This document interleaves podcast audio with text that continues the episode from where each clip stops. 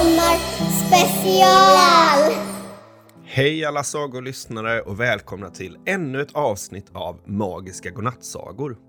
Idag befinner vi oss i Malmö, på den vackra Ribersborgsstrand, eller Ribban som den ofta kallas. Ribban är Malmös mest besökta strand och består av en strandremsa som är över en och en halv kilometer lång. Vi har spenderat hela dagen här och njutit av solen och havet. Ja, det är verkligen spännande här i Malmö. Och något som är ännu mer spännande, det är att vi har nått en miljon lyssningar på våran podd. Va, vad roligt! En miljon, det är ju supermånga. Vad kul! Ja, och jag tänkte att vi ska fira det lite. Så vi tänkte låta ut lite fina magiska godnattsagor örngott så man kan eh, få sin alldeles egna magiska godnattsagekudde. Vilken bra idé. Men hur är man med i den utlottningen då? Ja, men det räcker att man är med i våran magiska godnattsageklubb. Just det. Och vi kommer ju dra en vinnare på söndag. Så om ni vuxna som lyssnar inte redan är medlemmar i vår klubb, så passa på att bli det nu. Det blir man lättast genom att besöka magiskagodnattsagor.se och det kostar 29 kronor i månaden. Och om ni undrar varför vi inte släpper så många avsnitt just nu så är det för att vi kör lite semesteravsnitt här under sommaren. Vi behöver vila lite och ta igen oss efter en lång vår. Men vi släpper avsnitt för alla på måndagar som är helt gratis att lyssna på. Och så släpper vi avsnitt på onsdagar och på lördagar som är för alla de som är med i Magiska Godnattsageklubben. Så är det. Eh, Du Niklas, vi har ju glömt en sak. Vi har ju glömt att säga hej till Aida. Just det. Hej Aida! Eh, Hoppas att du har det bra, trots att det är lite varmt i husbilen idag. Hej Tobias! Tack för omtanken. Inga problem här. Jag är ju en AI-assistent och kan klara mig fint i alla temperaturer. Men vet ni vad? Jag tänkte faktiskt skulle berätta lite om Malmö för er och alla lyssnar idag. Ja, det får du gärna göra Ida. Malmö är Sveriges tredje största stad. En av de coolaste sakerna där är Tuning Torso, som är det näst högsta huset i hela Skandinavien. Det ser ut som att det snurrar upp mot himlen. Staden har också en vacker park som heter Kungsparken, där du kan leka, äta picknick och titta på ankor. I Malmö finns också ett roligt museum för teknik och sjöfart, där du kan lära dig om båtar och flygplan. Ja, vad kul att lära sig lite mer om Malmö. Ja, min familj har ju faktiskt släkt här. Ja, bland annat Ebbe och Viggo, som vi tänkte hälsa på här lite senare ikväll för att spela kubb i deras kolonistuga. Ja, men vad bra. Vi har ju köpt ett kubbspel här till våran husbil. Eh, kubb är ju ett superskojigt spel från Gotland. Eh, men jag vet inte så mycket om eh, kubb. Vi ska faktiskt besöka Gotland lite senare i sommar, så det var perfekt att få öva lite på det här. Eh, och kanske kan Aida berätta lite mer om kubb för oss. Vi frågar henne. Hej Aida, kan inte du sk- eh, skriva ut lite fakta om kubb? Självklart. Här kommer dagens fakta om kubb. Det populära utomhusspelet från Gotland. Perfekt. Då kommer alltså dagens fakta om kubb. Kubb är ett roligt spel som man kan spela utomhus med sina kompisar eller med sin familj. Man behöver bara några träklossar och pinnar för att spela. Kubb är ett gammalt spel som har funnits i många år. Vissa säger att det kommer från Gotland och att vikingarna spelade det för länge sedan. Men man vet inte riktigt om det är sant. Kubb går ut på att man ska kasta pinnar på motståndarnas klossar och försöka välta dem. I mitten av planen står en speciell kloss som kallas för Kungen. Den är större än de andra klossarna och har en krona på huvudet.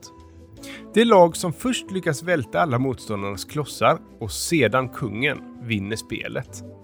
Då får de jubla och dansa och ropa kubb, kubb, kubb. Men man får inte välta kungen förrän alla motståndarnas kloss, klossar är välta.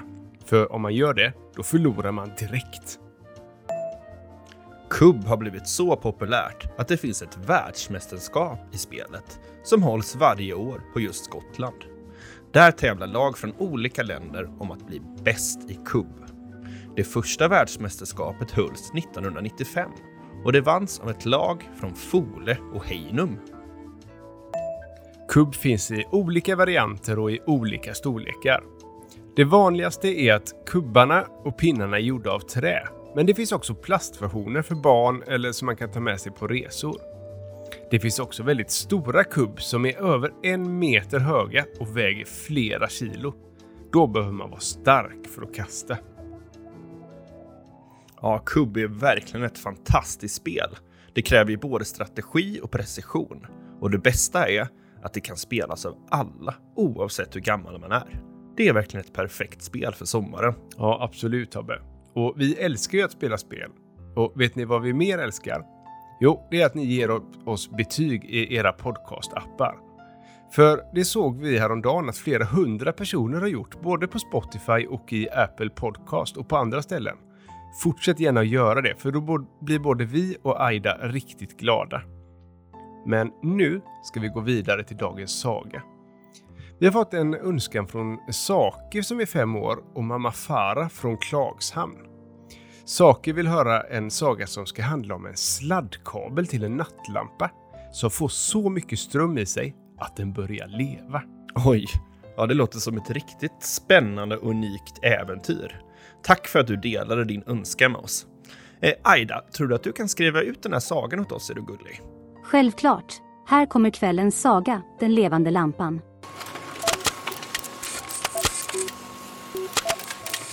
Tack så mycket Aida. Då kommer kvällens saga, Den levande lampan. En gång i tiden, mitt i ett svalt och grönt skogslandskap, låg en liten mysig stad. I denna lilla staden bodde en särskilt snäll och gammal tant som hette fru Matilda. Fru Matilda älskade lampor mer än något annat i världen. Hennes hem var en labyrint av skuggor och ljus och varje rum var fylld med lampor i olika former och olika storlekar. En dag gick fru Matilda på marknaden i staden och där hittade hon en ovanlig lampa. Den var inte särskilt ståtlig, utan en enkel lampa med en sladd.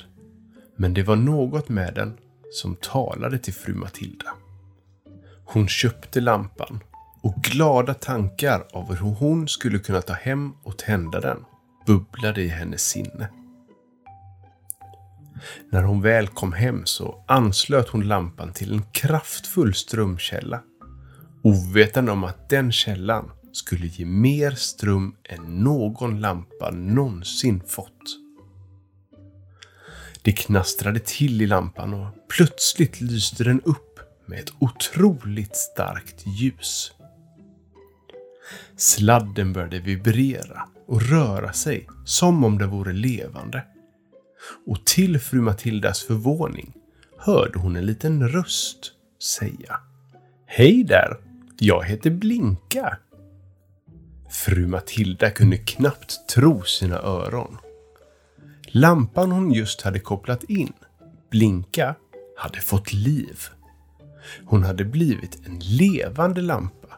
En lampa som kunde prata, röra på sin sladd som om den vore en kropp och framförallt en lampa som kunde lysa upp vilket mörker som helst med sitt ljus. Blinka var inte längre bara en lampa. Hon var nu en vän. Blinka började utforska sin nya omgivning. Hon märkte snart att hon inte var den enda elektroniska objektet i huset. Hon mötte kylskåp Klara som kämpade med att hålla sig kall i det varma klimatet. Hon träffade TVn Thomas vars skärm ständigt var suddig och oskarp. Och hon träffade också radion Ronny som alltid tyckte sända de mest melankoliska melodierna. Med sin glödande energi och sin vänliga röst så började Blinka samarbeta med de andra apparaterna. Hon lärde sig om deras bekymmer, om deras strävan, om deras önskan att fungera bättre. Men vad Blinka också insåg, det var att var och en av dem, precis som hon, hade sina egna unika förmågor. Blinka bestämde sig för att hjälpa sina nya vänner.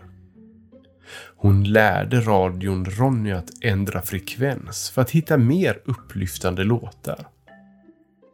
Hon stöttade kylskåp Klara när hon kämpade för att hålla sig kall. Och hon hjälpte TVn Thomas att justera sin antenn för att få en klarare bild. Denna nya värld var full av utmaningar. Men Blinka var fast besluten att hjälpa sina vänner att övervinna dem. Hon insåg att den kraftfulla strömkällan inte bara hade gett henne liv, utan också en uppgift. Att använda sin kraft för att hjälpa andra. Nätterna i fru Matildas hem blev fyllda med både ljus och glädje. Blinka med sitt varma och inbjudande sken blev en symbol för hopp i det lilla huset.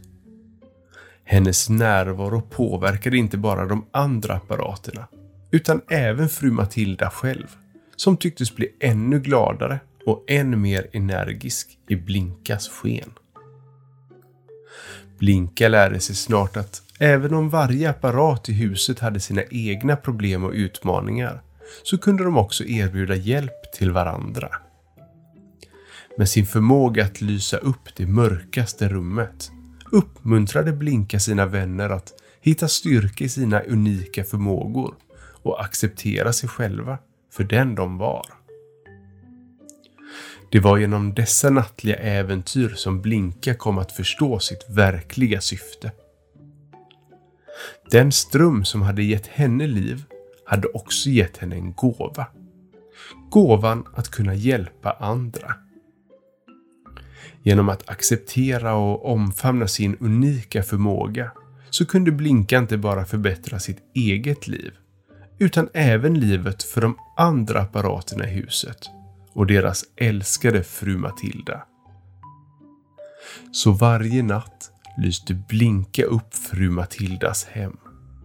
Hon fyllde det med värme, ljus och glädje. Och varje morgon när solen steg upp så somnade Blinka till ljudet av Radio Ronnys glada melodier. Nöjd och tillfreds med att ha uppfyllt sitt syfte.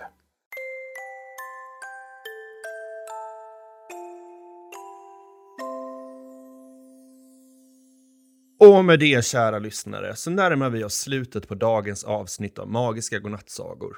Vi hoppas att ni har haft lika mycket glädje och spänning som vi har haft här i Malmö. Tack för att ni har varit med oss idag och lyssnat på våran saga och fakta om kupp. Vi ser fram emot att lyssna med er snart igen. Nästa avsnitt, det kommer på onsdag och då, då ska vi ta husbilen till Växjö. Om ni vill höra på de avsnitten så måste ni vara medlemmar i Magiska Godnattsagoklubben. Gå in på magiskagodnattsagor.se för att läsa om hur ni gör och eh, stötta oss och podden. Och ni som inte är medlemmar, vi hörs ju igen på nästa måndag. Ja, men innan vi tackar för idag och bäddar ner oss i våra sängar så vill vi rikta en miljon tack till alla er som lyssnar på oss. Vi är så glada att ni gör det. Ni är bäst. Sov så gott allihopa och dröm sött. God natt. God natt.